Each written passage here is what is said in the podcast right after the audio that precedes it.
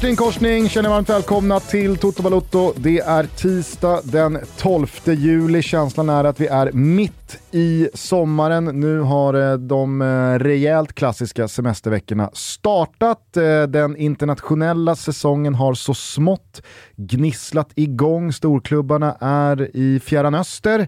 Det har återsamlats trupper. Gennaro Gattuso och Antonio Conte drillar sina trupper till både avsvimningar och eh, spyor, har jag noterat. Nya destinationer för många fotbollsspelare också. Eh, Precis. jag har sett Crescito och Lorenzo Insigne landa i Toronto. Mm. Där eh, skapas det just nu bromance. Båda är ju från Il Sud, eh, Manja Grecia. Känns väl som att Mimmo är den som eh, byter upp sig vänskapsmässigt. Eh, 100%. Insigne känner ju, åh, måste jag, alltså okej. Det blir Ja, alltså dygnet runt här nu med Mimmo.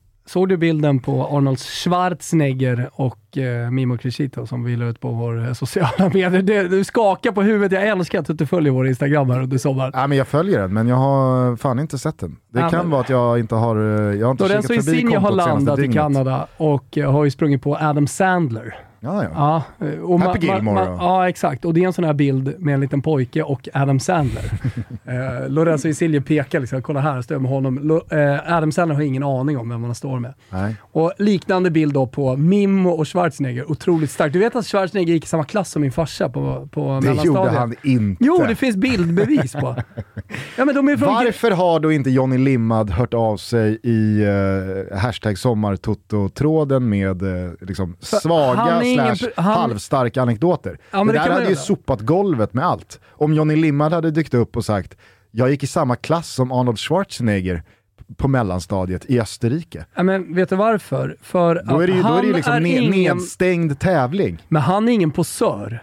Eh, och, eh, du, du vet ju med de här gubbarna som är födda på 40, 50, för all del även 60, kanske tidigt 70-tal ska jag säga också. För de gubbarna är ju liksom den typen av bilder, det fanns inga mobilkameror och så vidare. Det finns en bild som förmodligen har försvunnit i någon form av flytt någon gång någonstans. Och pappa, han flyttade ändå hit i slutet på 60-talet eh, för att köpa en elorgel. Alltså, det, det, jag menar, Vi vet. men, men, så det finns ett minne och det finns en historia. Det, det, det är så världen funkade pri mobilkameror och sociala medier. Och det ska vi vara glada över tycker jag. Att, eh, att, att det är minnen som återberättas och då kan ju du sitta där och ifrågasätta det. Men i, i Graz är ingen stor stad. Nej. Båda födda 47 i Graz och det finns eh, bilder liksom på, på Schwarzenegger eh, och pappa på den tiden. Då tycker jag att Johnny Limmad ska ändå göra en liten ansträngning för att få tag i den här bilden och eh, Jo, men du får i låta som någonting som är, är, är, är anmärkningsvärt och konstigt. Nej, nej, Nej. Jag säger bara att det är skarvat. Det, det går ju inte att skarva. Båda är födda 47 och gick i, bodde i samma stadsdel i Graz på, på liksom 50-talet. Det är klart att det går, det går att skarva. Nej, men det finns bilder. Eh, men till alla er som hörde vårt senaste avsnitt men som inte har Twitter så kan vi ju rapportera att det fullständigt har exploderat då med eh, mer eller mindre svaga anekdoter som eh, rör då en själv och då någon typ av fotbollsprofil eller lite stretchat idrottsprofil. Jag skickade bland annat in då när vi träffade Magnus Slangen Wislander på en liten undangömd strand på västkusten slutet på 90-talet och eh, han tvingades till en bild med mig och brorsan och farsan frågade om vi skulle spela en bollmatch men han tackade vänligt men Var bestämt det boll eller boccia? nej. På den tiden spelade man ju mest boccia på stranden. Alltså de här, bo, boccia är Alltså- ju en sport med ganska stora klot, men när vi växte upp, eh, även om du är tio år yngre än mig, Alltså, så fanns fråga, ju inte... Bo, bollbommen kom ju på 2000-talet. Får jag bara fråga, heter det inte boccia? Alltså det är väl Nej. bara C? Eh, Sverige, nej, det är med CH väl? För när du skrev så googlade jag Vi och då är det, menade du boccia, alltså bara med dubbel C? Ja, det har du fan rätt i. Du botchar bollen, botchare. Det har du rätt i. Det, det, problemet med det här med, det är att man sa ju bocka när man Jag har alltid upp. sagt boccia. Du har alltid sagt, ja, Eller då har du sagt rätt. Vi har liksom aldrig sagt boccia För att en sån jävla kulturskymning som att inte spela med rejält tunga Nej, men du har rätt. pedankklot. Det heter boccia. Ja. Eh, och eh, det, det är ju dels en sport med ganska stora klot, den här konstiga som går på Eurosport ibland. Där, där, där man säger sulan och jävla stort klot på något konstigt sätt. Eh, vet du vad jag pratar om eller? Nej, det verkar ha gått mig förbi. Ja, någon har skickat in en bild i alla fall Okej. i den tråden. Ja. Men, men eh, håll med om att bollbommen, Vet du vad som måste ju- myggas av? De sma, alltså fäblessen för de smala sporterna på Eurosport. ja. Det, vi, vi har liksom, vi har hört... Men hur stark vi har hört är fäblessen då? Vi har hört, den är väl enormt stark?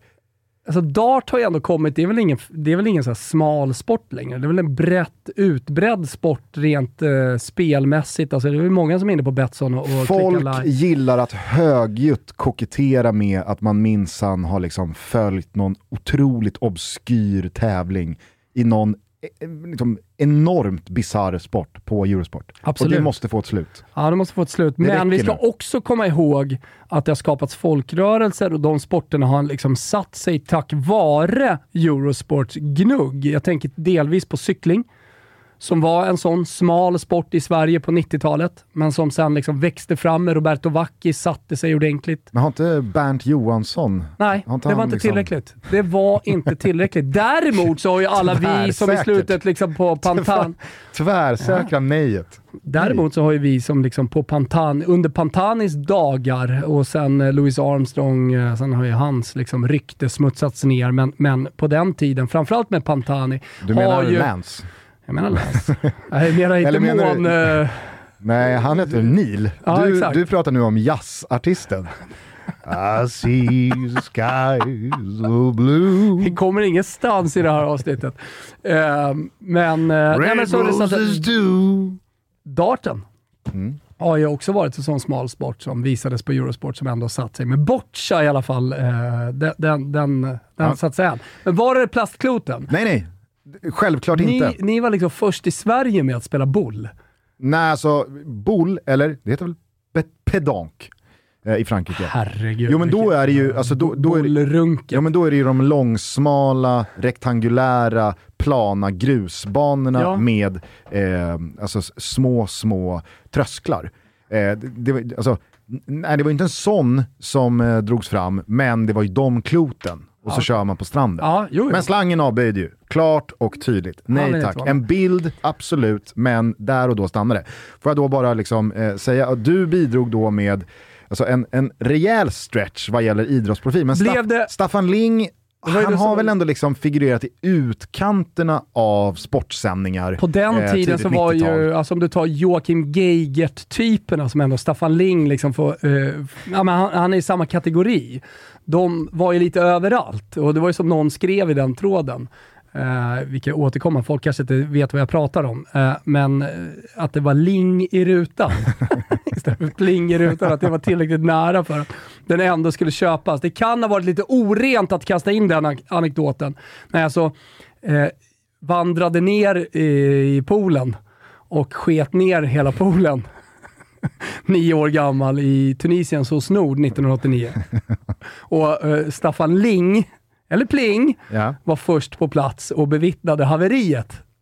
Nej, men jag tycker att det finns eh, många då roliga bidrag i den här eh, hashtaggen, i den här tråden. Har vi, har vi liksom, förstår folk vad vi pratar om här nu? Ja men det tror jag. Ja. Alltså, du träffade, du var på SVT SVT Dosan, eh, i förra veckan eh, och eh, träffade då eh, Dosan eh, i samband med att du var med och pratade lite dam-EM-premiär. Eh, och han då... Eh, Tillbaka på torsdag ja. Snyggt. Mm. Lite mallig upplevde jag ändå eh, liksom att du signalerade att han var. När han då tog sats och berättade att han minsann spelat hockey med eh, Johanna, så jävla svårt. Rytting Karneryd.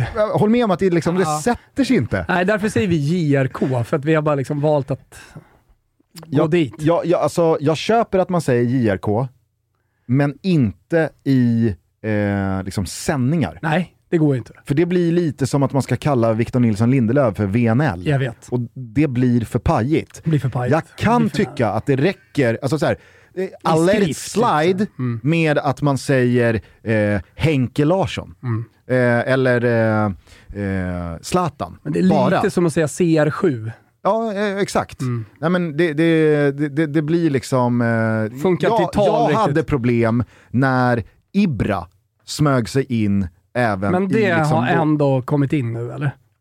Ja, Du hade problem, har inte problem eller? Du har fortfarande Jo, fast problem nu med är det inte... Det, är- det, är- det är ju länge sedan Zlatan ändå var en del av landslagssändningarna menar jag. Ja, du pratar landslagssändningar. Jag Ja, men- menar generellt i, i poddar och i tal. Eh, Johanna, Rytting Kaneryd.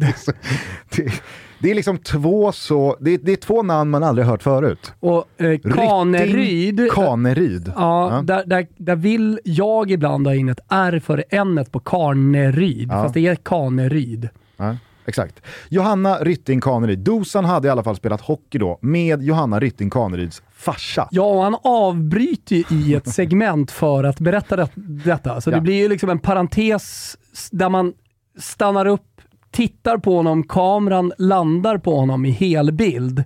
Och det, ja, det, det, det blir en anekdot som man liksom vill lyssna till då, men den var så svag. Ja. Och då gjorde vi eh, oss lite lustiga över detta i förra avsnittet, för er som har missat det. Och eh, skrev eh, på Twitter och då är det många som har återkommit till oss i den tråden och eh, då delat med sig av egna svaga historier. Mm. Hampus eh, Paulsson eh, berättar att eh, Roger Ljung hade sommarstuga i den håla där jag bodde runt eh, millennieskiftet. Jag cyklade förbi 100 plus gånger och kollade in i stugan. Fick aldrig syn på det, är också, det är också en kul, kul eh, svag anekdot. Eh, vi har ju även eh, då eh, Sparbollen Invest som har spelat paddel med Pablo Pinones Arces brorsa. Ja. Mycket Pa- rolig. Pablo Pinone Arces brorsa, om det nu är samma brorsa, jag vet inte om han har flera brorsor. Hans dotter eh, ha- har varit och provspelat med vårt lag eh, för att liksom förstärka ytterligare starka historier. Rickard eh, Petersson eh, skriver att eh, han hade Lotta Schelins pappa som Tror att. Pablo Pinones Arces brorsas dotter ska gå i samma klass som Stellan när de börjar gubbhänga? Eventuellt. Eventuellt, Ja. eventuellt. Cirkelslutning. Ja. Rickard Petersson berättar att han eh, hade Lotta Schelins pappa som gympalärare. Grym gubbe som körde citat “Välkomna ladies and spänstig män varje lektion i tre år”. Blåvitt fan Ja, träffade någonting. Dick Lust i en korvkioskkö på Avenyn samma kväll som skandalmatchen på Parken. Jag sa att om du hade tagits ut i VM-truppen 2002, då, så hade det stått Last Dick i laguppställningen. Han skrattade och sa “haha, den sista kuken”. Han var inte nykter, inte jag heller. Last Dick. Ja, ja, kul. Eh, Viktor hade ju här eh, tidigt in i tråden en, eh, en riktigt stark start måste jag säga, när han då berättar att han i Österrike 2008 bodde på samma hotell som Robert Perskog. Jag såg honom checka in, jag såg honom sen i loungen. det, är så, det är så jävla svagt. Ja, den är så jävla fin. Det finns så mycket här i, i den här tråden. Jag gillar också Joels bidrag här att hans vän slash kollega serverade Kevin De Bruynes farbror. Mycket sysslingar och kusiner i tråden också. Det, det är ju liksom, det, det är där det finns lite puls. Det är samma sak som eh, LA Engel skriver här. Jag har varit på samma konfirmationsläger som Teddy Lucic två yngre bröder. Vill minnas att en av dem heter Roger. Det, det vet man ju. där, sitter, där sitter Teddy Lucic brorsor. Roggan. Men eh, jag såg också här nyligen, eh, bara i morse, coach Mac Malmberg skriver in. Träffade Stefan Schwarz på Sturup sent 90-tal. Han köpte kondomer. Jag gick fram och frågade om autograf, men hade ingen penna. Det hade inte han heller. Ja, det är så jävla mysig sommartråd. Det är bara liksom, det är bara gå- grotta ner sig. Det finns hundratals här. Jag såg Olof Lund stå och signera böcker inne på ICA Fokus i Göteborg för några år sedan. Han fick gåshud av att se honom i in real life. Man vet att han fick ju gåshud. Ja. Det, det, Någon kliver in där, ser Olof sitta och, och liksom, eh, som en jävla maskin man har bara sett sätta honom i kråkan. TV så många gånger. Nyhetsmorgon, sportsändningar, intervjuer, lyssna på podden. Men jag ser hur han också då kavlar upp ärmen och tittar på armen och bara, ja, Det har, det har knottrat sig. Det har knottrat sig. Ja, fortsätt fyll på med svaga anekdoter med idrotts, eh, eller då helst eh, fotbollsprofilkoppling i hashtag sommartoto.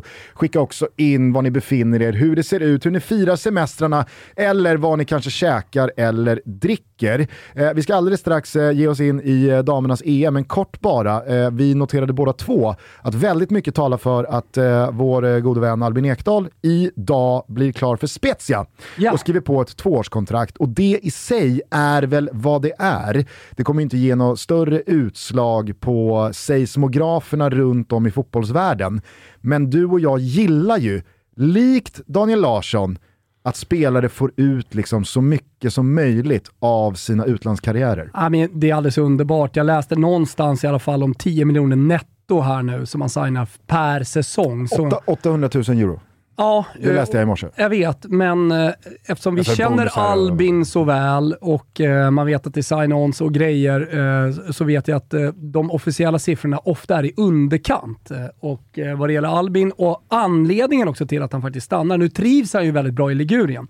Eh, för er som inte har koll på den italienska geografin så ligger ju Spezia i Ligurien, där han faktiskt redan bor.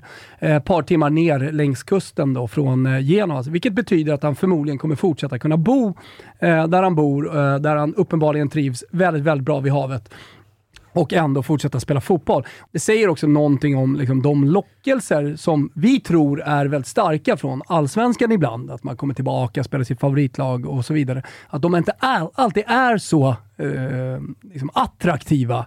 Eh, och att eh, till exempel då ett kontrakt som många säkert tycker i ett mediokert lag som eh, Spezia hur kan det stå sig mot att flytta hem? Han har lägenheter och hus i Stockholm, vad han nu har för typ av boenden och han har pratat om att komma hem är efter inte, karriären och allt det där. Är inte snacket alltså man, kring... Eh, de som mår bra utomlands, de, de kommer inte lockas av att, stå, att spela fotboll på Tele2. Liksom. Inte snacket kring Albins eh, bostadspossessions här i Stockholm att han har två lägenheter vägg i vägg? I någon... Vasastan? Nej, Östermalm. Det är Östermalm någonstans. Jag har hört Vasastan. I närheten av där vi är. Okay, ja. Å andra sidan så är det ju lite luddigt med gränserna till Östermalm från Vasastan där vi är. Också Sibirien, över Birger blir Östermalm då. Mm. Jag tror att det är där någonstans. Vill också minnas att sist jag träffade Albin här hemma så hade han precis köpt en lägenhet ovanpå Beirut Café. Ah, okay då. jag var bara kritade en lägenhet här ah. ovanpå Beirut. Ah. Eh, nej men jag tycker också att det finns en härlig karriärsplanering här. Mm. Alltså tvåårskontrakt med Spezia. Eh, givet att de håller sig kvar i Serie A eh, en säsong till, ja, men då blir det två år Serie A, men då är kontraktet slut i samband med EM 2024 i Tyskland, som vi förhoppningsvis har nått, som förhoppningsvis, eller då räknar jag med, Albin planerar då, blir hans sista dans med landslaget. Sen då 2024 så är han 35, kanske är kroppen klar, kanske håller kroppen för ett och ett halvt år med Djurgården, eller vad vet jag. Mm.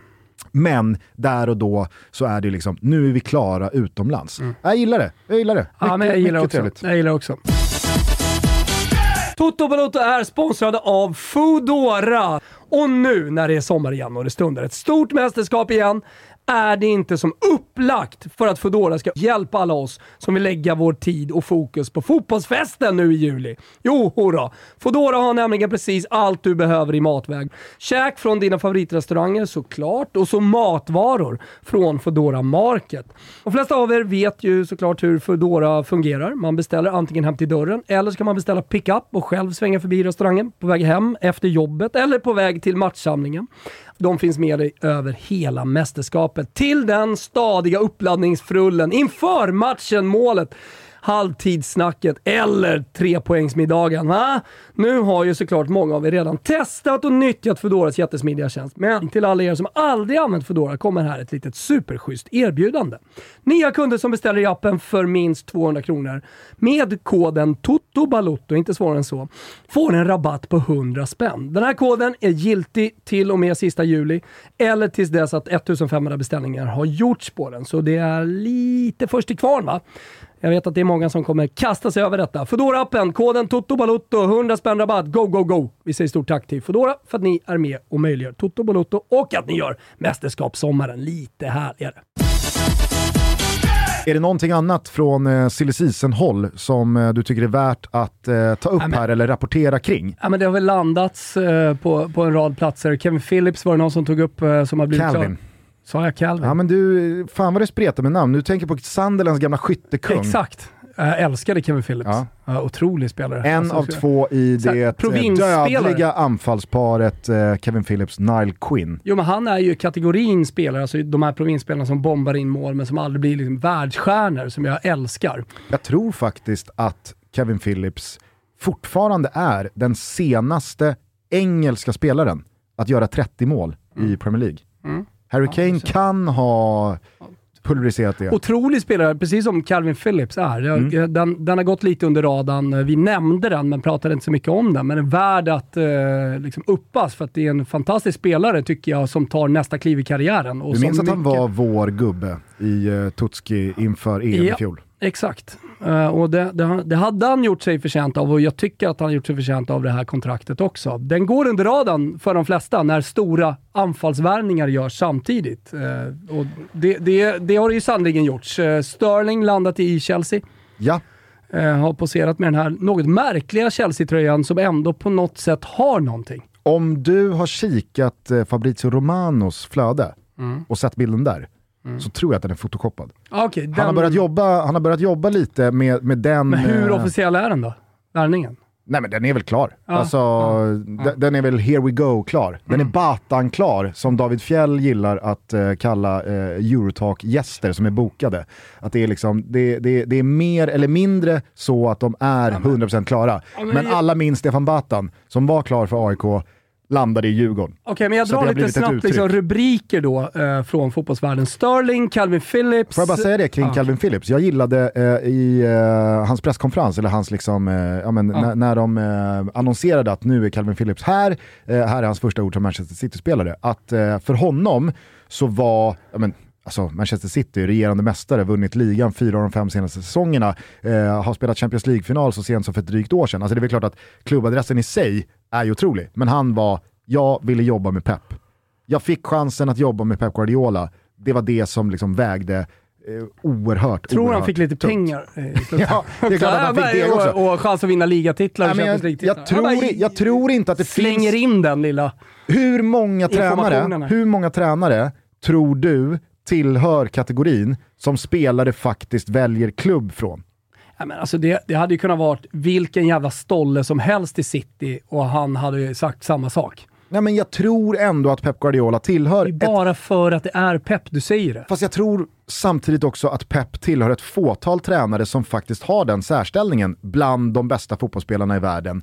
Att de blir tungan på vågen i varför man väljer en klubb. Jag tror det. Okej.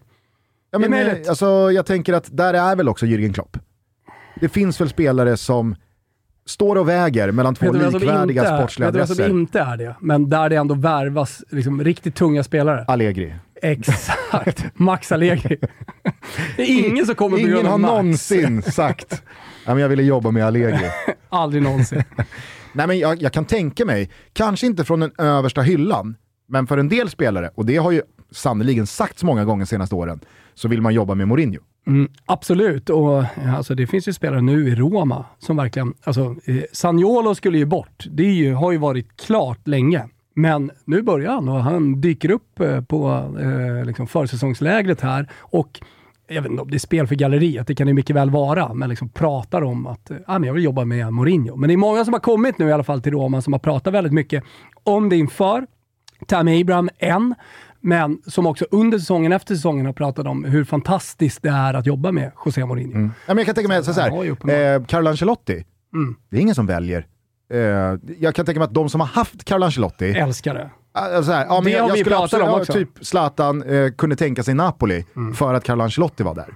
Och jag kan tänka mig att många spelare som har haft Carlo Ancelotti i en klubb lockas av att gå till en klubb där han är för att man har sån fin relation med Carlo Ancelotti. Men jag har svårt att tro att Calvin Phillips-typerna skulle gå till, eh, låt säga nu då, Real Madrid och säga men jag ville verkligen, verkligen jobba med Carlo Ancelotti. Mm. Där tro, alltså, jag, jag, jag tror inte att Ancelotti tillhör den kategorin. Men för att, eh, jag, jag hade tänkt att jag skulle dra liksom, eh, lite snabba rubriker sådär, eh, med spelare eh, som har blivit klara. Eller om det är annat från fotbollsvärlden, men jag känner att vi vill stanna hela tiden. Så jag vill bara säga det att det är en otroligt märklig träningsmatch eh, som imorgon spelas mellan Roma och Sunderland Visst. i Algarve. På tal om Kevin Phillips. Ja, på där Sagnolo med största sannolikhet kommer spela. Eh, kommer du ihåg eh, vårt samtal med Jimmy Jonevret för eh, några veckor sedan? När vi pratade om hur luttrade du och jag och han är som då eh, Fiorentina respektive Tottenham respektive Roma-supportrar vad gäller då transferfönstren över sommaren. Alltså att det är egentligen två månader lång besvikelse snarare än att det pirrar. Nej, men jag slog en kik igår då. Eh, jag, kommer ihåg, Lobe. jag kommer inte ihåg om det var Toto Sport eller om det var Corriere. men då var liksom Roma, då var rubriken kring Roma. Dybala lagd på is. Transfer, Mercaton handlar om att sälja spelare. Ja, klassiker. Eh, Så, Ja. så vi, vi In, nu är inte Roma streck, provins, men Ut, där ligger fokus. Ja, där ligger fokus. Eh, dock har jag rubrik till det och kanske blir du glad över den. Jag vet i alla fall vad du har, eller ett citat faktiskt. Eh, jag vet att du har haft en ansträngd relation till Karsdorp som ändå gjorde en okej säsong. Jag vet inte hur mycket det har reparerats och hur mycket du har tagit till dig honom. Nej, men där har man ju faktiskt fått eh, alltså, göra Jo, lite avbön. han är ju fortfarande Karsdorp, en dryg jävla holländare. Så är det. Men utvecklingen är ju uppenbar. Ja. Eh, och jag tycker att han ska ha en eloge för hur han har liksom krigat sig tillbaka till den eh, status han Nu kommer i alla fall Tseki Selik, 25 bast från Lille. Och eh, hans första ord är eh, Karsdorp, det blir hård konkurrens. Det var liksom frågan han fick. Jag vet, men jag är här för att starta. Så att, eh, jag tänkte att det kunde göra lite glad. Att Ja. eh, man faktiskt har värvat på positionen en spelare som eh, ska vara startspelare. För att det, han ser liksom kommer också under radarn-värvning sådär. Inget som världen stannar till för. Nej. Men, eh, men eh, ändå bra. Östigard till eh, Napoli också. Mm. Det Rubrik, gillar man ju för att nu måste ju Svanen omfamna den här norrmannen. Jajamensan, kommer från Brighton. Och för er som inte vet vem Leo Östergård är så var det ju alltså han eh, hyvelrakade. Alltså han ser ju ut som Victor Nilsson Lindelöf gjorde i runt 20-strecket där, när han frivilligt med ett 5 plus hår valde att hyvelraka sig. Ja. Eh, det är ju Leo Östergård. Han tryckte ju till ett par svenska spelare. Eh, där ibland eh, Gabriel Gudmundsson va?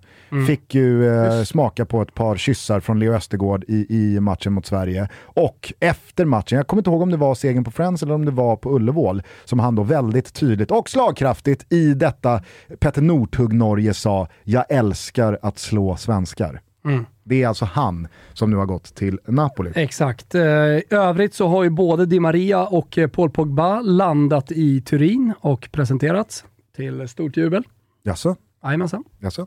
Så eh, där får man väl ändå säga att liksom Juventus på något sätt spänner musklerna. Eh, många säger Di Maria, vadå? Jag tycker han är fantastisk. Eh, så att, Det och då, enda de vi- första det enda vi orden vet- från Di Maria är enda att han vi- vill vinna titlar. Det, det, det, det passar Ja, det, det enda vi vet att Di Marias första ord inte var.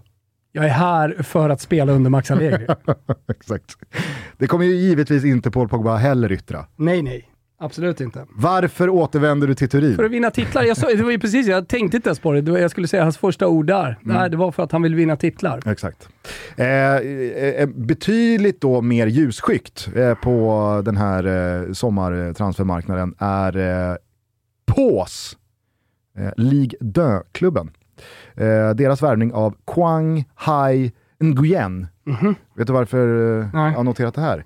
Eh, det är Fredrik Pavlidis som i sitt headline-svep eh, då meddelar att på, alltså den här klubben då, det, det är ju ingen klubb som kanske speciellt många känner till, men det är en Ligue 2-klubb som fram till igår då, hade 30 000 följare totalt i sociala medier. Men efter värvningen av Vietnams Messi, Quang Hai Nguyen, så har de nu 360 000 följare.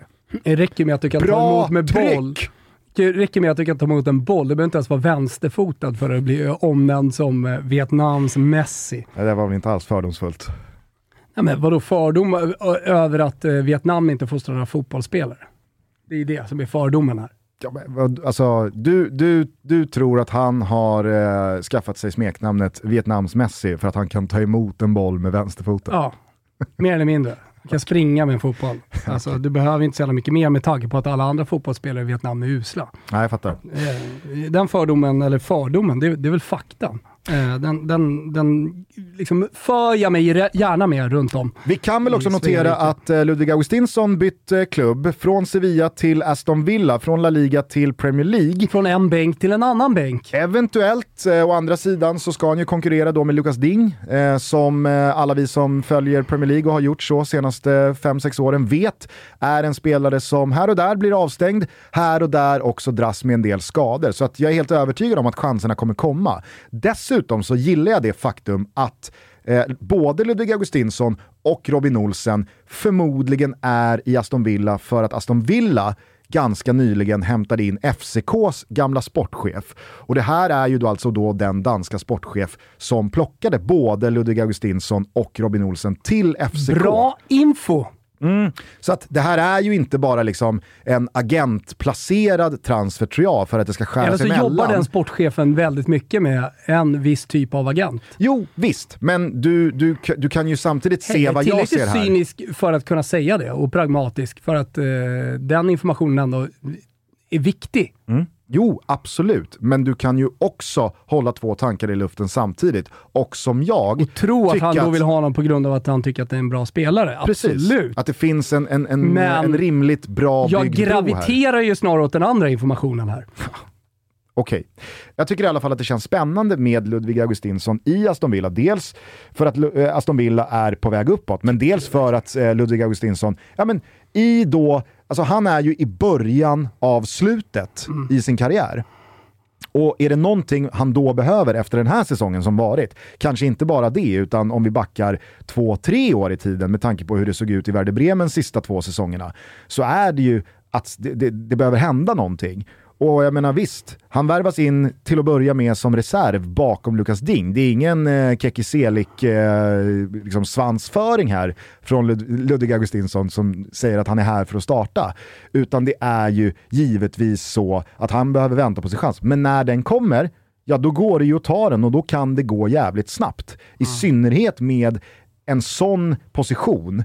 Alltså, en, eh, ett, ett i ögonfallande mål eller två assist eller en matchavgörande insats där Steven Gerrard säger att Ludvig Augustinsson det är, liksom, det är top player. Jag menar, ja, då, då är det väl klart att det går, eh, det kan gå undan. Ja. Det som händer eh, i alla fall just nu eh, följer man ju med spänning, till exempel Delicht på väg till Bayern som vi har pratat om. Fantastisk grafik i La Gazzetta dello Sport här på morgonen. Och det, i all sin enkelhet. De har bara gjort ett bord, placerat ut eh, sex stycken stolar runt det bordet och liksom namngett varje stol. Sådär. Eh, alltså, vilka sitter just nu och förhandlar? Eh, det blir en härlig påminnelse bara om eh, hur, hur det funkar. Det blir så tydligt liksom att de sitter ju faktiskt de här sex. Och det är Hassan Salihamidzic, det är Rafaela Pimenta som är agent i Delicht, Marco Nappe som är någon slags eh, technical director i Bayern München. Och sen Federico Cherubin på andra sidan, eh, samma eh, då teknisk direktörroll. Och sen så Maurizio Arrivabene som är eh, VD i Juventus och Pavel Nedved. Så att eh, två stycken spelare, ex-spelare representerade vid det här bordet eh, med, med Salihamidzic och eh, Pavel Nedved och så i övrigt då direktörer eh, som ska bestämma eh, Delichts framtid.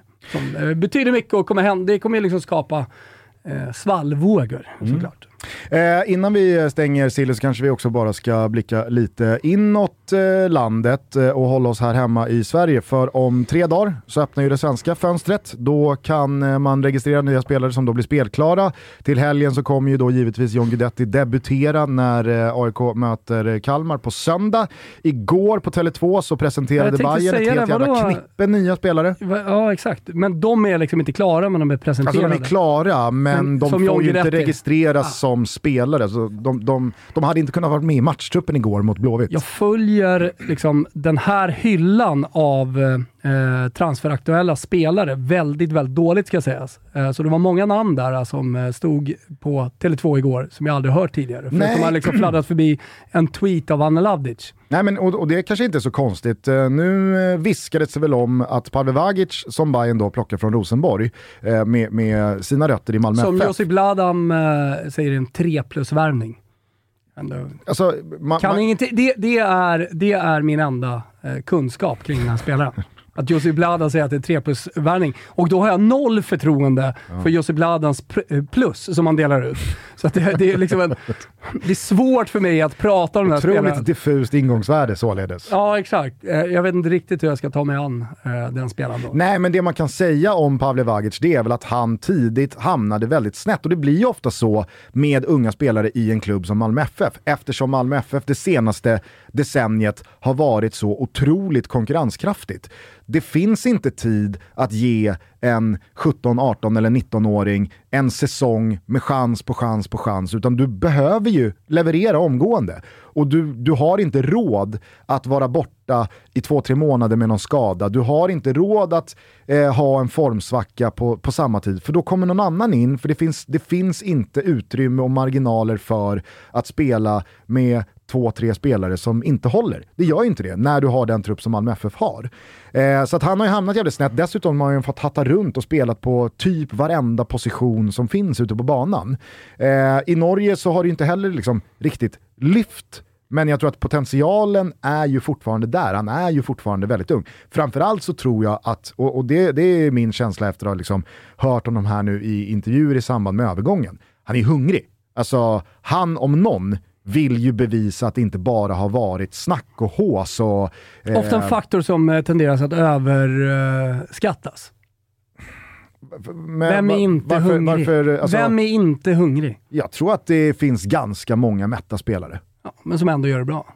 Alltså, fler mätta spelare gör det bra än hungriga spelare. Jo, men alltså kolla på, kolla på IFK Göteborg. Mm. Det finns väl ganska många dugliga, kvalitativa spelare med bra karriärer. IFK Göteborg som är undantaget anslutit- till klubb som bekräftar regeln. Som jag sitter och gör. Ah, ja, alltså, om, om vi nog bara... Alltså, men jag, vi- ofta vi ska vi prata om det här, om Ja, John Guidetti är ja. hungrig, han är hungrig och han vill Ja, bevisa. ja, fast- Sen slutar alla så här. Jag, jag ger fan inte korvöre för, Nej, korvöre för, för hungern. Där Kvalitet. Kan, där kan man väl absolut förstå de Och det enda jag vet om tvivlare. kvaliteten är att Josip Bladan tycker att det här är en 3 plus-värvning. Jo, men du måste ju också känna och, och tycka att det finns en distinktion mellan hunger på en John Guidetti-typ som har varit extremt omskriven, håsad, hyllad i över tio år i svensk fotboll, som aldrig riktigt fick den där stora karriären som han var spådd att nå. Han var tronarvingen till Zlatan och det skulle liksom efter den där våren i Feyenoord, det, det skulle bara fortsätta bombas in mål i ett decennium. Vi alla vet vad det blev av det. Det blev skador, det blev kvistar, det blev mer och mindre obskyra eh, klubbadresser och egentligen inte speciellt mycket. En tappad landslagsplats som fejdade ut och nu är han tillbaka i AIK för att ja, men, få lite upprättelse. En del tror att han kommer visa klass efter att ha varit en La Liga-spelare i, i fem år och att skillnaden är faktiskt så pass stor mellan att eh, inte starta men tillhöra en La Liga-klubb och allsvenskan. Andra tror att så här, han är färdig, han har fått en bra sign-on, han, liksom, han är mätt. Nåja, hunger. Men distinktionen Finns. mellan det måste ju såklart eh, vara ganska tydlig mellan en 22-åring som hittills inte har bevisat någonting. Jobbigt om man inte är hungrig som ung spelare. Jo men visst, Kommer till en stor klubb som Hammarby. fast om han nu inger känslan hos att mig att han verkar tenderar att hungrig. Ska jag- överskattas ska jag som inte- faktor. Ja, ska- ja, ska du inte bollar s- upp det som att det är en megafaktor här nu. Han kommer hungrig till eh, Hammarby. Ja, men om, om han nu får mig att känna Jag vill fan, veta han verkar vad det är för jävla kvalitet det är på den där spelaren. Vad fan han kan uträtta. Inte om man är hungrig eller inte. Ja men då är det väl bara, man är- det är en faktor om man bara inte slå på hungrig. burken Ja, och kolla Pavle Vagic. Så kanske det kommer ett eh, omdöme från dig Ja. om några veckor. Ja, om hans hunger. Jag ska verkligen ha, ha, kolla på hans hunger när han kommer ut på planen. Det jag bara skulle landa i var att utöver Pavle som absolut är långt ifrån ett säkert kort, så hämtar man in Saidi från eh, Degerfors som, alltså tittar man på Aldrig skytteligan, sett. nej men tittar man på skytteligan så har han ju en, en, en, en bra kvot med sina fem gjorda. Men tre av dem gjordes på nio minuter mot Giffarna. eh, i, i våras. Det är Eh, information som är viktig. ja, det- det är ju, tycker jag i alla fall, en asterisk. Eller som Olen skulle sagt, det är en information som är viktig. Mm. Jag känner att jag går mot att uh, köra bestämd artikel på, på information, mer Jag- och mer ju mer jag pratar Jag med tror Olen. ju inte att Saidi är eh, svaret på frågan som är vem ska göra Bayerns alla mål sett till hur mycket XG de skapar, hur mycket bollinnehav de har och hur många passningar de kan trä in i boxen. Det tror inte jag, men det är i alla fall en värvning in eh, efter alla de spelare som har lämnat. Astrid Selmani, ja, men, eh, det var ju ganska tydligt igår vad Nordin Gerzic tyckte om att eh, Astrid Selmani inte ens i det här läget får starta under Martisi Fuentes eh, och att han ska ta sitt pick och pack och lämna. Björn Paulsen lämnar, eh, vi har redan varit inne på att eh, Michael Lado och då Willet Svedberg har lämnat. Den här ruljansen som Bayern visar upp här nu på spelare. Och när ingen spelare känns liksom så här, "Puh, wow, håll käften. Kanske var det dit jag ville Ja. egentligen. Jag, jag tycker att det är en märklig spelaromsättning sett till vad det är för spelare som hämtas in när Bayern dels ligger där de gör i tabellen, dels har den ambition de har, men som du också var inne på lite tidigare kring då Ludvig Augustinssons eh, alltså, underliggande anledningar till varför han hamnar i Aston Villa, så känns det så här, eh, det, det, är, det är någonting mer här. Okej. Det är någonting mer här än en klubb och ett fotbollslag Okej. som går för guld. Ja. Det är vad jag säger. Ja. Ja, jag, jag har som sagt ingen aning om vilka de här spelarna är. Men själva matchen måste jag ju säga var imponerande från Bayerns eh, håll. De har ju haft en liten svajig omstart här, eller eh, dryg eh, en och en halv månad här tillbaka i tiden med cupfinalförlusten, en avslutande förlust innan sommaruppehållet och sen så har man då inlett omstarten med eh, en poäng hemma mot Häcken följt av derbyförlust mot Djurgården. Igår var det ju dock inget snack om saken. Det hade kunnat om Bayern hade velat och ifall man hade haft en klassavslutare längst fram, eh, så hade det kunnat bli både 5 och 6-0 mot IFK Göteborg. Som alltså i sin startelva har Mattias Bjärsmyr, jag så här, Gustav lite Svensson, Simon också när, Tern, när eh, Marcus Berg, ja. eh, Hossam Aiesh, eh, Oscar Wendt.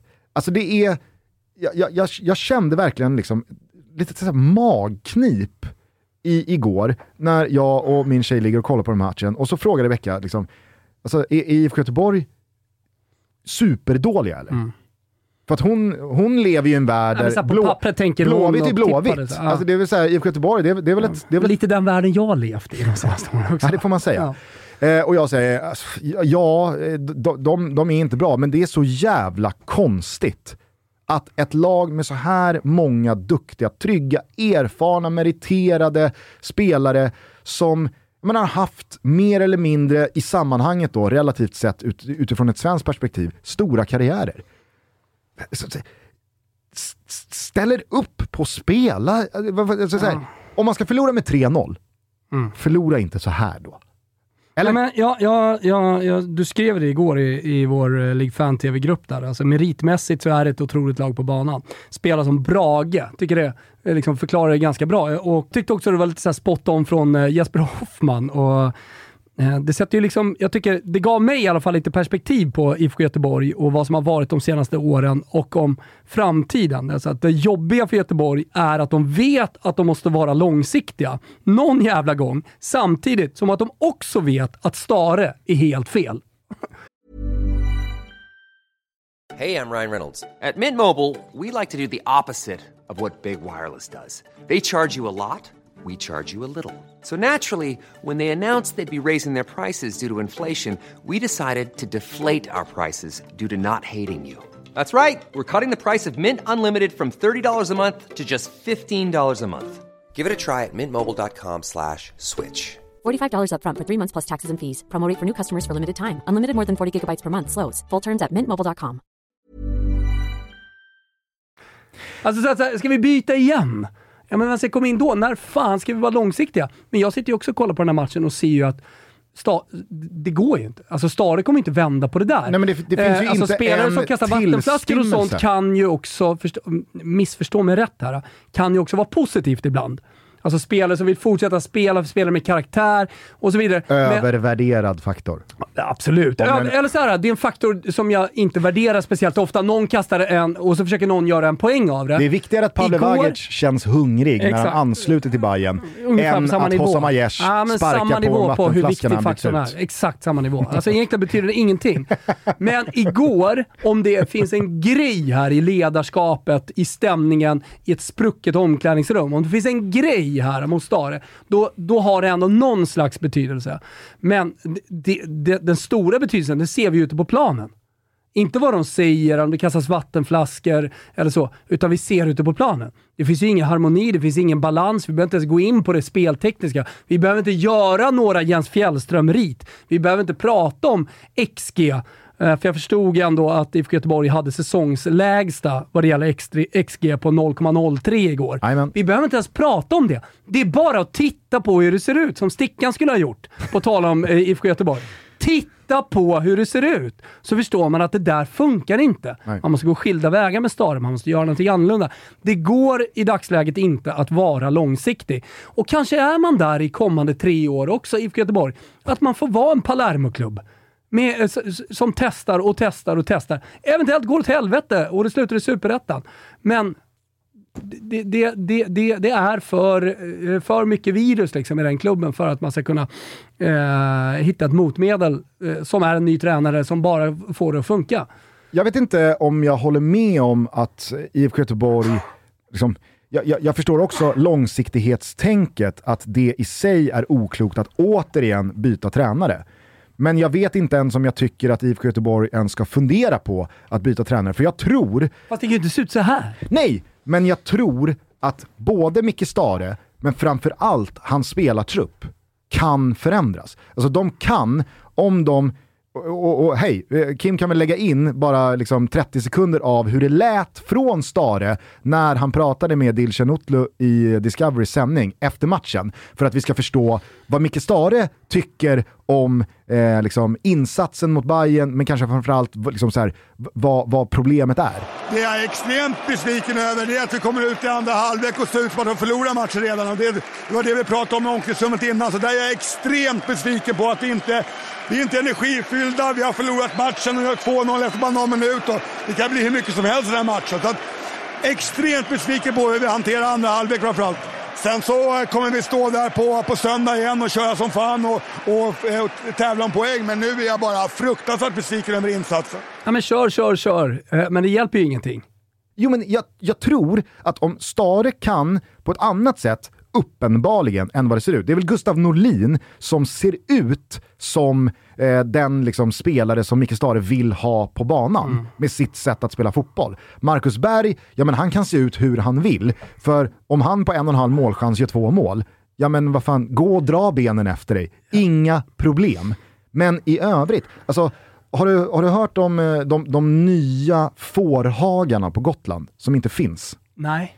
På Gotland så har man nu satt halsband på eh, lammen. Ah, hört. Eh, Mm. som är kopplade mot någon typ av satellit eller någon liksom GPS-avgränsning som man då i sin dator har programmerat att det här är hagen. Här får ni vara. Men det finns inga stängsel. Och om då lammen eller fåren, jag hatar att jag ställde upp på att på Gotland säger man lamm. Då får man inte säga får, även fast det är får. Skitsamma. Eh, när då de börjar röra sig mot hagegränsen, då kommer det något ljud i det här halsbandet, något här varningsljud. Fortsätter de då ändå gå mot den här gränsen och till slut passera gränsen, då kommer en liten stöt i eh, det här halsbandet. Och eh, bönderna har liksom, de, de- har varit helt chockade över hur snabbt då fåren, eller lammen, så inte gotlänningarna blir upprörda, har lärt sig att så här, Både får och lamm. Lamm är små, nej får är nej, på Gotland säger man lamm. Till Ja, alla. allt? Ja. Ja. Och Ja, säger, man, vad? säger man får Ja. Så blir man alltid rättad av gotlänningar, kanske ännu mer stockholmare som har Det hus finns på Gotland. Det ingenting heter lamm. i mitten av juli som jag är så trött på, som folk som är på Gotland, eller Gotland generellt sett som koncept. Alltså som semesterkoncept, jag tror jag tweetade det någon gång innan sommaren. Jag är glad varje dag när jag vaknar över att inte vara en person som åker till Gotland och firar min semester. Ja? Då har vi det sagt. Vilket jävla pisskoncept det. Förstår du i alla fall vart jag vill komma med Du min har väl också liknelse varit här? där och tagit bild på Alex Schulmans jävla café? Rute. Ja. Ja. Jag är så Absolut. jävla trött på det. Eller något jävla kalkbrott eller någon, eh, någon Visby Gute-festival. Förstår du vart jag vill komma med min liknelse? Eh, de här fåren då har ju lärt sig att jaha, hit får vi gå men dit får vi inte gå. Då får vi en stöt. Så tänkte jag att Gustav Svensson spelade sin match igår mot Bayern. Det var som att han, när han närmade sig sista tredjedelen, då var det som att han fick en stöt i sitt liksom fårhalsband. Zzz, Ja. zzz, där får du inte gå Gustav, Nej. tillbaks med dig. Och så skulle han stanna där. Simon Tern, samma sak, stanna där. Eh, liksom, om Hossa Majers, gud förbjude, är den som följer med forwardsparet, ja men då är det bara stanna Kevin Jakob. Ja, alltså det bra, är liksom... jag, jag håller med dig. Alltså, det var ju precis så det såg ut. Och som jag sa, ska man förlora med 3-0 borta mot Bayern och heta IFK Göteborg, ja men gör det inte på det där sättet. Gör det inte på sättet som är att det med en duglig avslutare i Bayern hade kunnat bli 6-0 och att man vid underläge 2-0 och en kvart kvar bara står i block och låter Bayern ha bollen. Det är ju som Stare är inne på. Vi gick ut i andra halvlek och spelade den som att liksom, vi har redan förlorat matchen. De låg under med 1-0. Alltså de låg under med 1-0. Det jag bara försöker landa i tror jag är att Micke Stare är ju en bevisligen jävligt bra fotbollstränare som kan åstadkomma... Var i alla fall. Ja, men jag tror inte att de ränderna har gått ur Micke Stare. Det tror inte jag heller. Jag tror inte han har tappat något omklädningsrum. Jag tror inte att han saknar förtroende från vare sig supportrar i den liksom större massan eller eh, Håkan Mild eller styrelse eller vad det nu är. Däremot så är det ju liksom ett, ett lag som är Micke Stares, som inte alls ser ut som Micke Stares lag. Ja men ut och kör då! Man kan inte stå Om du nu säger att Ja, ni ska ut och exakt. köra, kör, då då! Kör för fan, så får ni väl förlora på det sättet Ja, för att ni går de- och ni försöker och så får väl Bayern vara bättre än i Blåvitt då och, och vinna med 3-0. Men att det bara är liksom en nästan så att Bayern skonar Blåvitt från att inte göra Ja, ju 5-6 fast, bollar. de har ju missuppfattat hela konceptet med att stå lågt tycker jag också rent taktiskt. För de står lågt, men de går ändå upp och pressar bort sig till slut. ja. Och så, så skapar de numerära överlägen trots att det ska vara liksom kompakt och, och stå utanför straffområdet. Det är det, det, är det jag tycker var liksom det, det stora taktiska eh, konstiga med den här matchen igår. Är att här, ni står lågt, men ni är ju ihåliga som jävla schweizerost. Ja, och det jag heller inte blir klok på, det är att som jag räknar upp, där finns i det här laget spelare med karaktärer, attityder och vinnarskallar som har tagit dem ut i Europa, tagit dem till landslag. Alltså Oskar Wendt, Bjärsmyr, Gustav Svensson, Marcus Berg. Vi pratade om hunger förut och att så här, hur viktig är den faktorn? När ingen av de här spelarna ens ser ut att vara lite förbannad eller förödmjukad eller liksom eh, så jävla irriterad på hur det ser ut att man på något sätt i alla fall tappar huvudet mot domaren eller i någon duell eller att man står och skriker på varandra. Då är det farligt på riktigt. För när de spelarna inte ens visar de signalerna, kalla mig primitiv eller liksom så här första sidan skolboken och vi har gått vidare från den typen av fotboll. Jag tror inte att vi har det hemma i Sverige, hemma i allsvenskan. I synnerhet inte med spelare som är födda på 80-talet. Alltså när de spelarna till och med har tappat den här. Kolla på Bjärsmyr när han drar på sig straffen fram till 3-0. Det är, alltså, äh, det, det, det är så uppgivet så att det är liksom, och, och det är ingen som är där, det är ingen som liksom, jag, jag, jag, jag, jag blev fan inte klok Nej. på undergången. Så att visst, jag säger inte att de som ropar på Stare out liksom är ute och cyklar har fel. Jag, eh, jag tror att det skulle vara ett misstag, men det kan, for, det kan fan inte fortsätta se ut så här. Nej. Eh, någon klubb som i alla fall agerade på för dåliga resultat. Nu hade ju Blåvitt tre raka segrar inför igår, så det var ju, det var ju svårt att liksom, eh, känna någon orkanstyrka i, i de vindarna gentemot Stare. Toto Balotto är som alltid oerhört glada och stolta över att vara sponsrade av Circle K. Och idag ska du med elbil, eller kanske du som funderar på att gå över till en elbil, lyssna lite extra noga va. För vi är mitt inne i en kraftig expansion inom e-mobility. Där Circle K har som mål att ligga före elbilsutvecklingen. Coolt va? Mm. Man bygger nu ultrasnabba laddplatser som ska fungera här och nu, men som också är redo för framtidens elbilar. Circle K har i och med detta även utvecklat sin Charge App och med den försökt göra livet med elbil så enkelt och smidigt som det bara går. Jag vet att det är många som lyssnar på det här som har elbil som kanske ska brassat upp till Åre eller någonting och så tycker man att det är jobbigt att planera så att bilen går hela vägen. Ja, men Circle K, de är på detta va. Man laddar ner Circle K Charge-appen, reggar ett konto så är man up and running. Här kan man se var närmsta laddplats finns, om den är ledig och så åker man dit. Laddar upp sin bil, kanske tar en kaffe eller en korv eller en liten tuppis under tiden och sen så rullar man vidare på vägarna. Givetvis med en betalning som sköts helt digitalt också via Charge-appen. Det ska vara enkelt att ladda längs vägen. Det ska inte vara krångligt eller jobbigt eller limiterande att ha en elbil. Och det är just detta som är Circle K's ledstjärnor vad det gäller Charge-appen. Vi säger stort tack till Circle K för det och att ni samtidigt är med och möjliggör Toto Balotto. Toto Bruto är sponsrad av K-Rauta. Jajamensan, ciao Kitos. Eh, just nu tror jag att det är så många som har roliga sommarprojekt på gång. Vi tänker att vi vill pusha det lite. Ah, kom igång med ett roliga sommarprojekt. Varför inte bygga en utedusch? Det har jag hemma när det är tropisk hetta ute. Ah, men det är perfekt att ställa sig i uteduschen. Det är inte alla som kan ha en stor pool där hemma.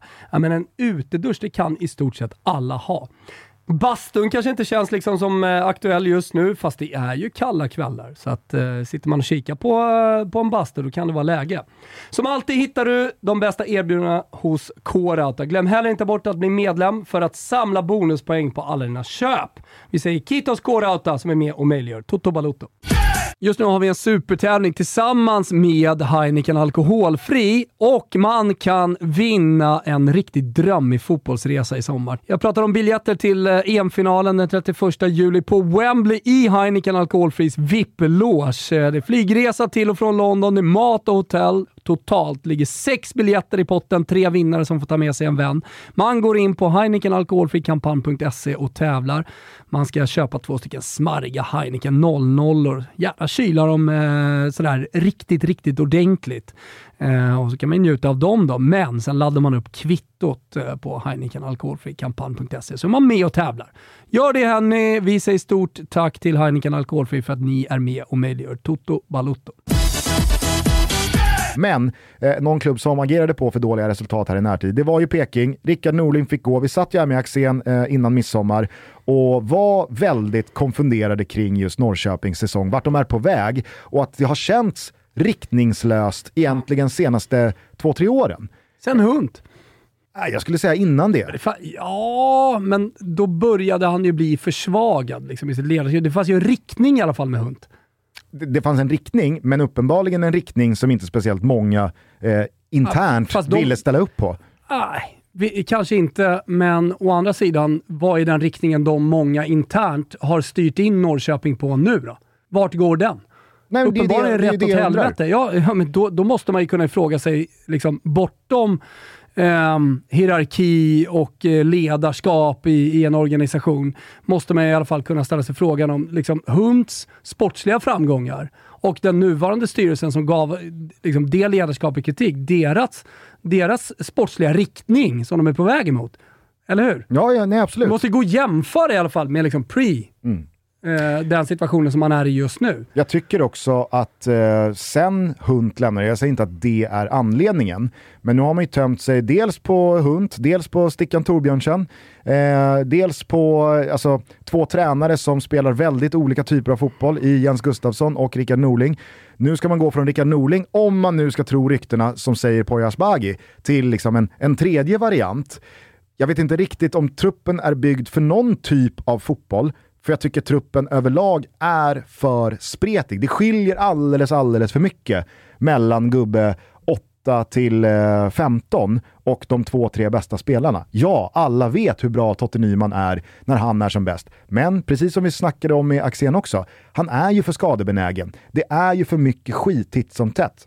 Jonathan Levi i sina bästa stunder, fantastisk spelare. Men det är också en spelare som behöver lekkamrater. Jonathan Levi har ju sällan under sin karriär varit den som baxar upp oket på axlarna och, och, och visar vägen och avgör matcherna själv. Utan han är ju som bäst när han får leka med Haksabanovic, eh, Totte Nyman och, och spelare runt omkring sig. Jag kan i alla fall tycka, och jag tycker att det är relevant att göra jämförelsen med liksom, hur såg det ut med, med eh, under Hunds tid, vad har hänt efter? Det är möjligt att man är i inledningen på en vandring och att det kommer bli bra vad det, vad det lider. Men den här nya ordföranden, Zacharias Mård, han jag inte mycket för i alla fall. Nej men helt ärligt.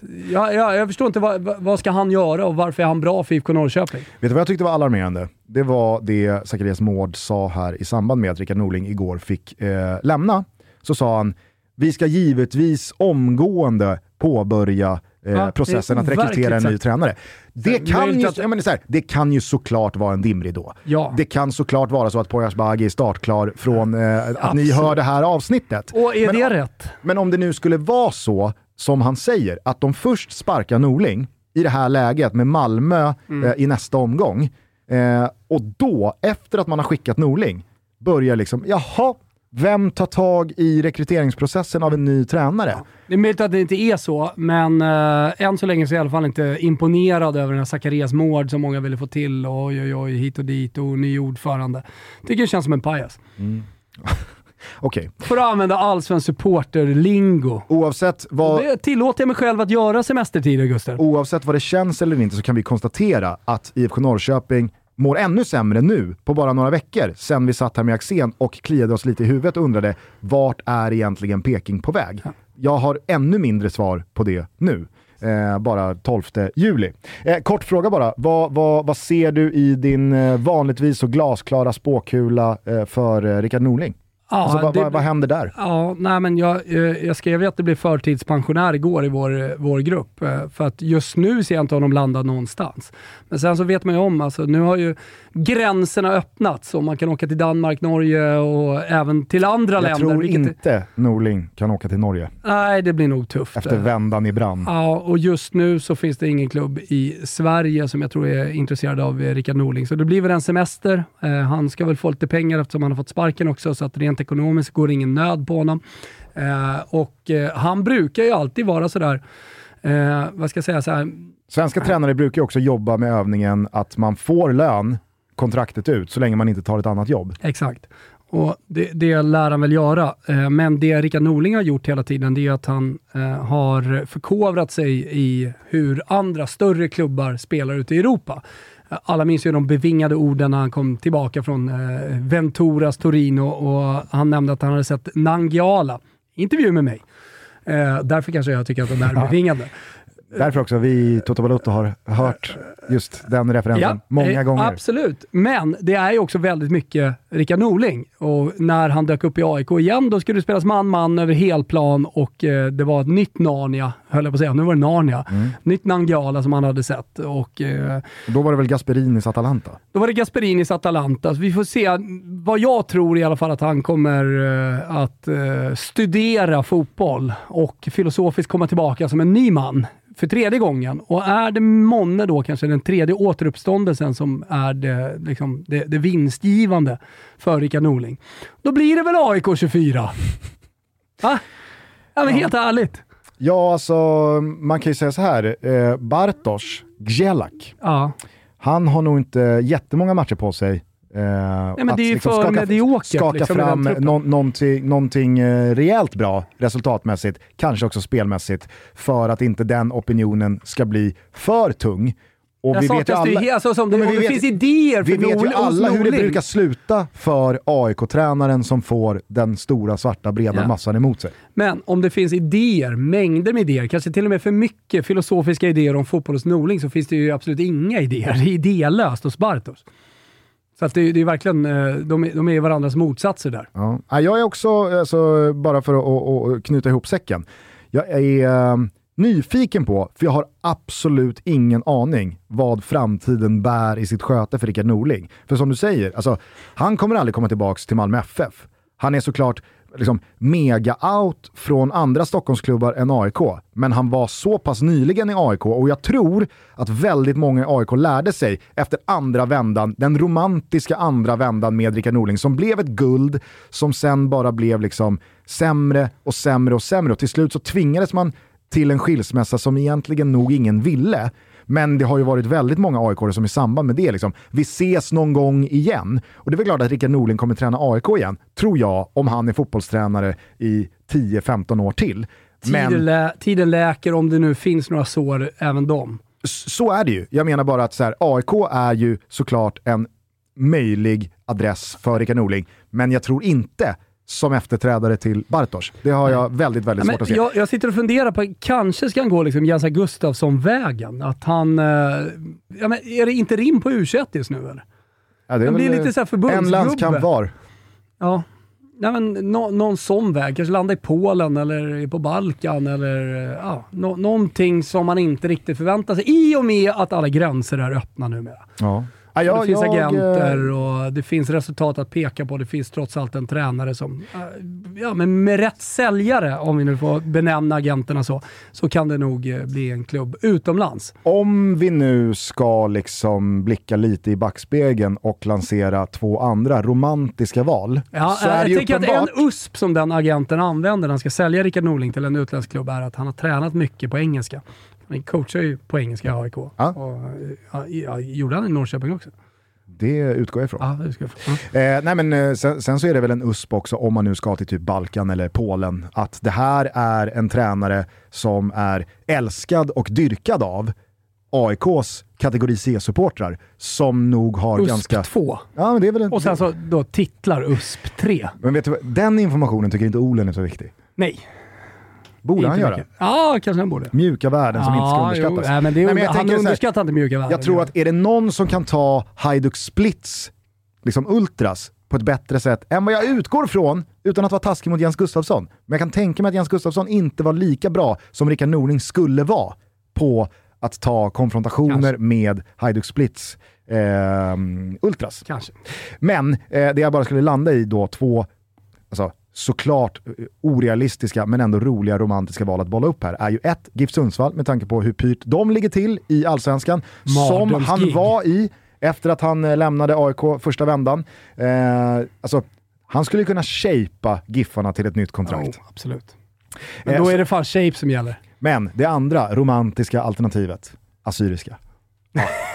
Tillbaks till Jallavallen. Ja. Baxa upp assyriska från dyn i, de är väl i tvåan nu? Ja. Ja, ta tillbaka dem. Södertäljes stolthet. Jag bor ju granne med före detta ordförande och en väldigt insyltad i assyriska. Så jag pratar mycket assyriska faktiskt. Jag har varit och sett dem en hel del. Nu finns det ju en hel del syrianer som är liksom assyriska. Jag träffade Charbel Toma häromdagen. Och så finns det assyrier som är syrianska. Och det, Fina det, är ju, det, är en, det är en jävla eh, häxare där. Mm. Eh, men, alltså, om, om jag bara får säga mitt, så är liksom syrianska har aldrig varit Södertäljes lag. Det är assyriska. Ja. ja, jag håller med. Syrianska. För mig så alltså, finns det ju det finns en luddig eh, distinktion där mellan syrianer och assyrier. Eh, som jag har, jag har suttit och diskuterat i timmar med vänner eh, och ändå inte riktigt landat i det. Jag älskade assyriska när de kom upp i Allsvenskan. Ja, ja jag med. Slog väl Blåvitt i första matchen. Alltså, när, Borken, när Borken kliver ut och gör hundra armhävningar på topp. eh, så, som uppvärmning, då, då älskar man ju assyriska. Men det var ju pre det. Ja, det var väl i Gnaget. Ja, det var nog i assyriska. För att Micke Fahlstedt, VD för Dobb 2.0 eh, och liksom äger och driver det tillsammans med då, dels Anders, Anders Nettelblatt men också David Fjell för att göra återkopplingen till David Fjell som eh, myntade uttrycket “Batan klar”. Så startade Micke Fahlstedt Klubb Borken som en liksom undergrupp i AIK-supporterled just för att Micke Borgqvist var en eh, publikfavorit och Micke Fahlstedt föll då pladask när Borken värmde upp genom att göra 100 armhävningar i mittcirkeln på Råsunda. Folk som har varit med i Toto Balutto har ju hört oss prata om just detta eh, för länge, länge sedan. Eh, och jag tror att vi konstaterade då att Micke Borgqvist hade åkt och, och kört någon slags yoga, tantra, knull. Eh, Just det. Men, Just det. Lång tid typ i. Indien. Eventuellt. Ja. Och kommer tillbaka frälst. Reservera oss med. Vem fan blir inte frälst av att åka och göra en sån grej? Jag drömmer om det varje dag.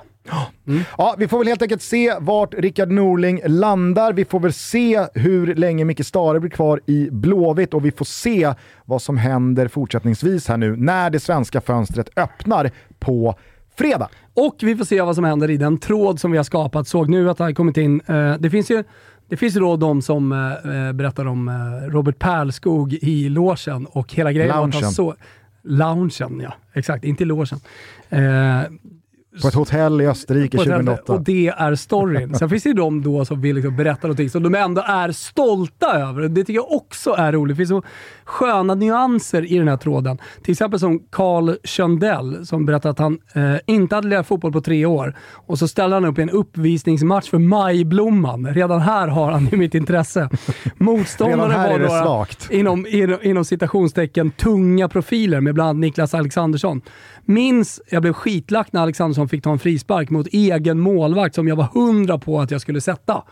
Ah. Alltså, han, här har man ju, han vill ju berätta det. Det här är ju en story han har liksom dragit. Det, det här är inte, jag menar han som berättar om Pärlskog, han vet ju om att den är svag, men det är ändå någonting som han Vad har hette tagit han? med sig. Köndell? Ja, Köndell. Vad hette han i förnamn? Karl. Karl. Ja. Man, alltså jag kan ju höra hur liksom hans nära och kära säger på någon middag, Kalle, inte igen. Nej. Vi har hört, vi har har, hört, han har hört vi har hört ofta om jag när har berättat om... Alexandersson tog den där frisparken. Lika ofta som jag har berättat om när Norling har, har eh, i intervju med mig eh, funnit Nangiala. Exakt så.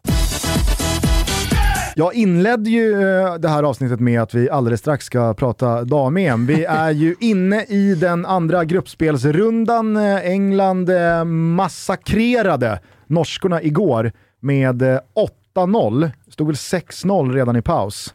Alltså, det var gött att se, måste jag säga. Nej men Jag norskorna visste inte hade... vad du skulle säga riktigt därefter. Norskarna Jag hade- trodde du skulle det var patetiskt. Nej, det var, det var gött. Ja, eh, ja. Norskarna hade väl ändå blivit lite eh, styva i korken efter premiärsegern och Ada Hegerberg eh, Både- längst upp på topp. Och, Alltså, alla danska och norska eh, liksom, fotbollssupportrar är väl liksom styva i korken så här års. För att det går bra med Haaland, det går bra liksom, ja, men det har gått bra på damsidan, det är Ada Hegerberg tillbaka. Eh, det, det, det var seger. Möttes Exakt. inte en dansk och en norsk i eh, Franska öppnas kvartsfinal? Ja, det, exakt. Bara en sån sak. Så det, det, det, det är, de är styva i korken. Men eh, nu är de tillbaka ner på jorden. Danskarna åkte på dundertorsk också i sin premiär. Det här var ju då andra omgången som startades. Eh, Norge hade vunnit mot Nordirland, svagt motstånd, 4-1. Eh, och ställdes då mot eh, hemmanationen som hade haft ganska stora problem med Österrike ändå. Men eh, liksom 8-0, den kommer från ingenstans. Det var ju helt bisarrt att skåda. Jag eh, tycker i alla fall att vi glädjande nog i och med dessa resultat kan räkna bort både Danmark och Norge från några medaljer. Man kan liksom inte torska en match med 8-0 och tro att ja, men det här är nog ett semifinallag. Nej, så är det helt enkelt. Men vi är ju också mitt emellan eh, Sveriges två första matcher. Premiären mot Holland slutade 1-1 och i morgon onsdag så är det eh, dags för den andra gruppspelsmatchen mot Schweiz. Kort bara dina intryck från premiären.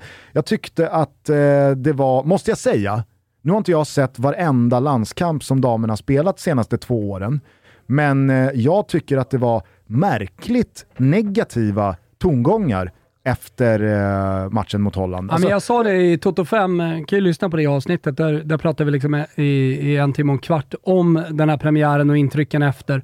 Eh, alltså det som var intressant, alltså vi möter ett bra holländskt lag som trots allt är regerande Europamästare. Med stora stjärnor som eh, Midema, Like Martens eh, och, och sådär. Så är det ändå ett Sverige som har 1-1 och som går för, gör offensiva byten och det är de som skapar chanserna. Det tar man ju med sig efter en sån match. Hur, hur, hur såg det ut vid 1-1? Det är ju det som är det intressanta. Samtidigt som eh, de får en hel del kritik. Och jag, har ju, jag har ju varit lite så här för att jag tycker det gullas lite för mycket med, eh, med damlandslagen. Men här tycker jag de är lite snett på det. Så Mm. Nej, men jag- jag måste säga, mer alltså- smak efter den här matchen. Ja, jag ställer också upp på, på det du gör av hur det såg ut eh, vid ställning 1-1. Men jag tycker också det finns hårda fakta som är odiskutabla, som också är positiva snarare än någonting man ska ifrågasätta med någon slags negativ klang. 1. Man förlorade inte. 2. Man åkte inte på några skador, inga avstängningar. Eh, Kosovare Aslani, som behöver vara en av Sveriges bästa spelare, gjorde en jättebra match. Stina Blackstenius och Linda Sembrant ska in i det här laget. Eventuellt Sembrant. Ja, du gjorde ju eventuellt nattis. Jo, som men- du ville ha in i startelvan som jag var emot, men, men det, det, det, det är ju sånt som händer. Ja, Nej, men jag, jag menar så här, de, de spelarna ska de ska inte försämra det här Nej. laget, utan man förlorade inte mot eh, den motståndare man tävlar om gruppsegen med. Eh, jag tyckte att det stundtals såg jävligt bra ut. Och är det någonting som jag tycker också man liksom tappar bort, är ju att det är bättre att det är ett passningsspel som är lite slarvigt och det är något bolltapp här och där. Eller ett svagt avslut där. Exakt. Än att passningsspelet aldrig etableras eller att man äger bollen. Som Holland man, borde känna efter den här Precis. matchen. Eh, men- jag vet men- och jag- dessutom så var ju så här jag- Rolfö... Återigen alltså- med reservation för mitt eh, begränsande tyckande om eh, detta svenska damlandslag. Så måste jag säga att jag, det, det var väl... Perfekt hade väl varit 5-0-seger, Ja. men alltså, Kom mot Schweiz. kanon, alltså, jättefin start på en Dessutom turnering. så var ju Fridolina Rolfö tillräckligt bra för att man ska känna oj, där finns det mycket mer att ta ut framöver. Ja, ja. Alltså hon, hon gjorde tillräckligt mycket bra grejer för att fatta att hon kommer göra ett starkt mästerskap. Mm. Så, så att även de stora stjärnor som kanske inte kom upp i högsta nivå, vet man, Stinnerblack Stenen som kom in som du säger, som har varit skadad, som nu är redo för start vad det verkar. Rolfö och så vidare. De, de, eh, JRK, herregud. Johanna Rytting in. Kaneryd. Ja, jag är också picked inhopp.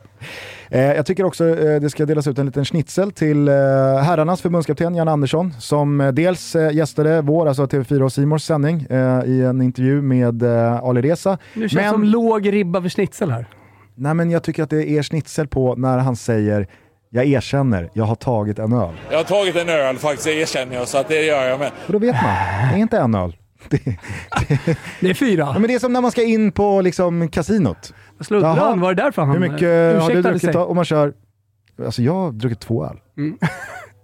Alltså så här, vakterna vet ju att säger man två öl, då har man druckit fyra. Mm. Minst. Minst. Fem kanske. Fint. La. I, i, Så när, när Janne kör då, jag erkänner, alltså har du druckit en öl Mm. Så behöver du inte outa att du har druckit en bärs. Första gången jag träffade Janne Andersson live var ju under U21-EM som han också, han gillar ju att åka på mästerskap, som han är nere och följer och sitter och dricker en öl Mm. just. Så att, han, han är ju folklig på det sättet också. Men jag hade ju inte kunnat dricka en öl och sagt nej jag druckit en öl om det hade varit fyra och kommit undan med det. Då hade ju folk kallat mig för en alkis. Alltså är du med på skillnaden? Med Janne är det bara, han en mellis. Fan vad härlig han är. Jag säger bara att om man nu behöver understryka att man har druckit öl, Mm. så behöver man inte göra det om man bara har druckit en öl. Nej. Alltså, Nej. det, det, du vet ju att... Jag har en, druckit men- öl. En öl märks ju inte. Alltså, Jag har kanske, druckit kanske öl. om du är 14 år och testar en starköl för första gången. Suger du i dig en långburk Heineken för första gången, ja det är klart, den, den, den kanske märks. Men Janne Andersson, en öl in. Omöjligt att upptäcka. Omöjligt. Omöjligt. Ja, men vissa, vissa är där. Eh, för mig räcker det att lukta på en öl, eh, så tror folk att man har druckit fyra. Ingen schnitzel utan en gulasch.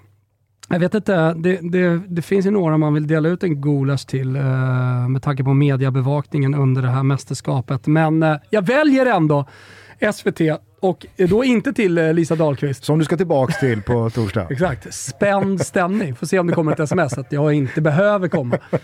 Eh, jag, jag kanske bara, de har ju skrivit, efter jag var med senast så insåg de att shit, den här gubben är ju på riktigt. Ah. Eh, Jag är bra på riktigt. Så de skrev ju direkt efter, kan du komma 07.20 på eh, torsdag direkt efter Sveriges match? Premiumtid ändå att vara med i morgon, morgonsoffan efter match. Ja. Finns det några andra som har dykt upp under morgonsoffan för att prata EM under tiden? Ja, eller kanske ännu värre. Ännu värre, pre, när det ska tippas. Ja, det ska tippas. ja, exakt. hur går det här då? Och det är där, det, det, det, det är ju tyvärr dit gulaschen går då. Eh, och det är inte till Lisa Dahlqvist, eh, utan det är till SVT Sportredaktion som inte liksom hindrar detta eh, haveri. Berätta Eh, för de som inte vet vad du pratar om. eh, SVTs expert Lisa Dahlqvist eh, eh, tippar, eller ja, då, eh, spekulerar, så stor guldchans har Sverige. Eh, 80% har Tyskland, säger hon. Eh, hon eh, nämner också att eh, England har 70% eh, vinstchans. Du kan ju du börja plussa procent här. Bli 60%, eh, 65% på Holland. 85% på Sverige, så att hon gör ju bland annat då Sverige till favoriter, vilket man inte är enligt marknaden, enligt odd- oddsättare.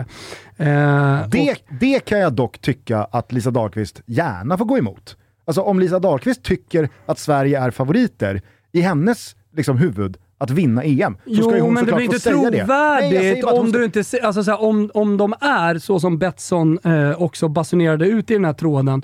Om de nu har 13% eh, liksom guldchans som Betsson ba- basunerar ut i den här tråden enligt deras odds.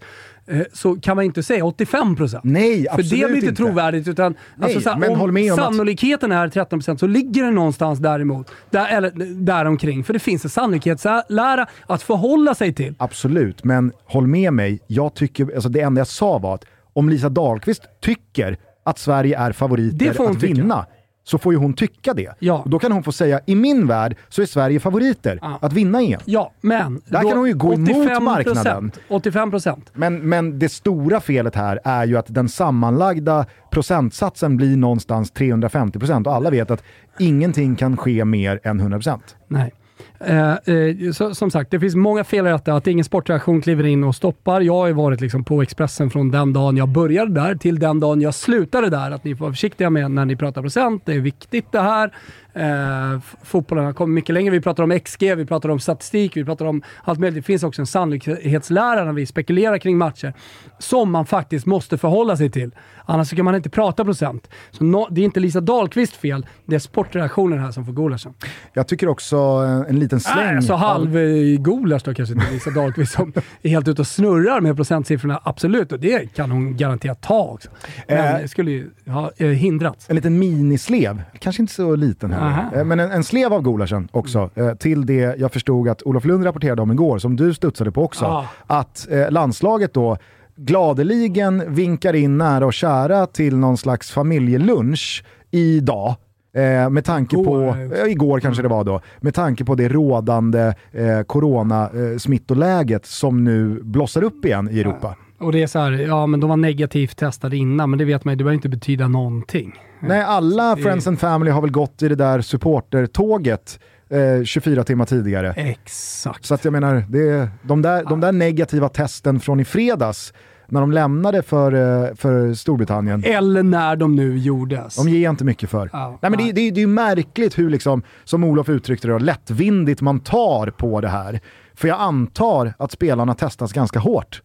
Alltså under den här turneringen. Ja. Det är väl mer eller mindre varje Det dag. blir väl inför den här matchen också, får vi se. Eh, Och sen så kommer det aldrig kanske kunna härledas och man kommer inte kunna rikta, rikta liksom kritiken stenhårt emot just den eh, öppna träningen man hade med sina nära och kära. Men, men eh, jag tycker att det var oerhört märkligt och jag märkte på Olof Lunds ton också att han även tyckte det. Så att, att ha Olof Lund i ryggen, Det är gåshud. det är gåshud.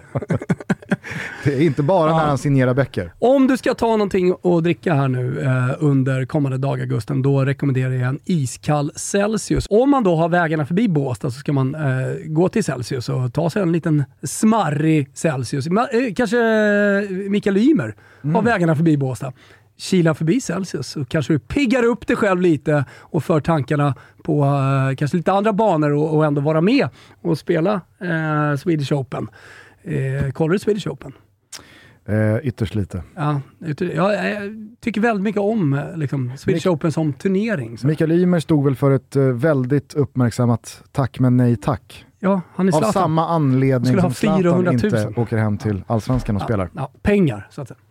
Jag fattar. Eh, hörni, eh, har ni inte ett eh, simor abonnemang så skaffa det för guds skull nu med eh, koden VIPSOMMAR22TOTO i versaler på simor.se kampanj totobalutto så får man just nu abonnemanget Simor Plus till halva priset i tre månader och då rullar ju det hela vägen in i den internationella herrfotbollssäsongen. Dessutom utöver damernas EM så man får Serie A, man får La Liga, man får Champions League och innan man ens hinner plocka några trattkantareller så är det dags för fotbolls-VM också. Så att eh, skaffa det här simor abonnemanget så kan man ju redan ikväll med avspark 21.00 följa sändningarna på Simor kring den förväntade kanonmatchen Tyskland-Spanien. Ja, kan man ju, folk kanske tycker att jag är jäv eh, just nu, men jag tycker att Vicky Blomé, Frida Nordstrand och Lotta Schelin gör fantastiska sändningar tillsammans med de som är på plats också, eh, med gåshud, Olof Lund och gänget på plats. Ja, men, eh, med den äran gör de bra sändningar. Jag noterar att du inte nämner Papi Chulo och Marcelito här. Fan, finns det något kaffe? eller? I ny skrud. Så, det är... Ett par är vita så, tänder. Det, det är som makeover så att Ja, det det, är... är, det är liksom folk som har gjort den amerikanska varianten av uh, makeovern. Du vet, de som kom in som heroinpundare och kom ut som Dolly Parton i Prime. Liksom, det, det är ingenting jämfört med liksom, det uh, Papi, Papi, Papi Chulo. Chulo uh, kommer ut som. Så att, det, det, det är bra. Nej, men det ser ut som att det, liksom, det, det, det, det dog någon farfar i mars och det ramlade in ett arv på 400 millar Ja men, Marcello. exa, ja, men exakt. Och egentligen så Här är det finns ingen tid att spilla. Wahids rivstart liksom, som har stått för alltihopa. Uh, det, det, det, det är otroligt. Ja, eh, Tyskland-Spanien ikväll alltså. Sverige mot Schweiz imorgon. Damernas EM rullar vidare. Det svenska fönstret öppnar på fredag. Ny allsvensk omgång till helgen. Ja, men ni hör ju själva, det händer grejer. Jag Ja. piper till Grekland på torsdag morgon. Borta en vecka. Eh, borta en vecka. Du ska börja närma dig Göteborg och Gothia Cup. Eh, vi pratade ju om att eh, snacka med Jocke Geigert inför. Inte gör det då? Ja, men du kanske ska ringa Geigert eh, Mm. i ett samtal eh, och så adderar vi det till våran eh, distans-tuttokörning då på Mm. fredag. Eller lilla trepartssamtalet funkar du med den nya fina studion här. Då? Kanske blir så då. Ja, jag tycker, tycker att du i det samtalet gör något, för att risken finns ju att jag och Geigert liksom, ja, nördar ner oss lite för mycket i Gotia. Kanske. Och eh, rör oss liksom mot platser som folk inte är intresserade av. Där behövs du som motpol i det samtalet. Ja, men jag hör vad du säger. Ja. Vi får väl kanske sikta på det då. Eh, vi hörs i alla fall snart igen. Ta hand om varandra, fortsätt köra i hashtag eh, sommartutto så hörs vi snart igen. Jajamän! Ciao tutti! I see trees of green, red roses too. I see them bloom for me and you. And I think to myself, what a wonderful world.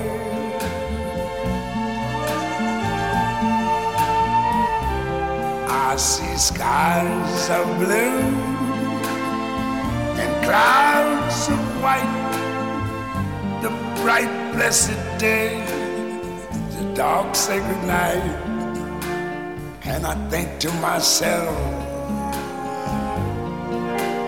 what a wonderful world.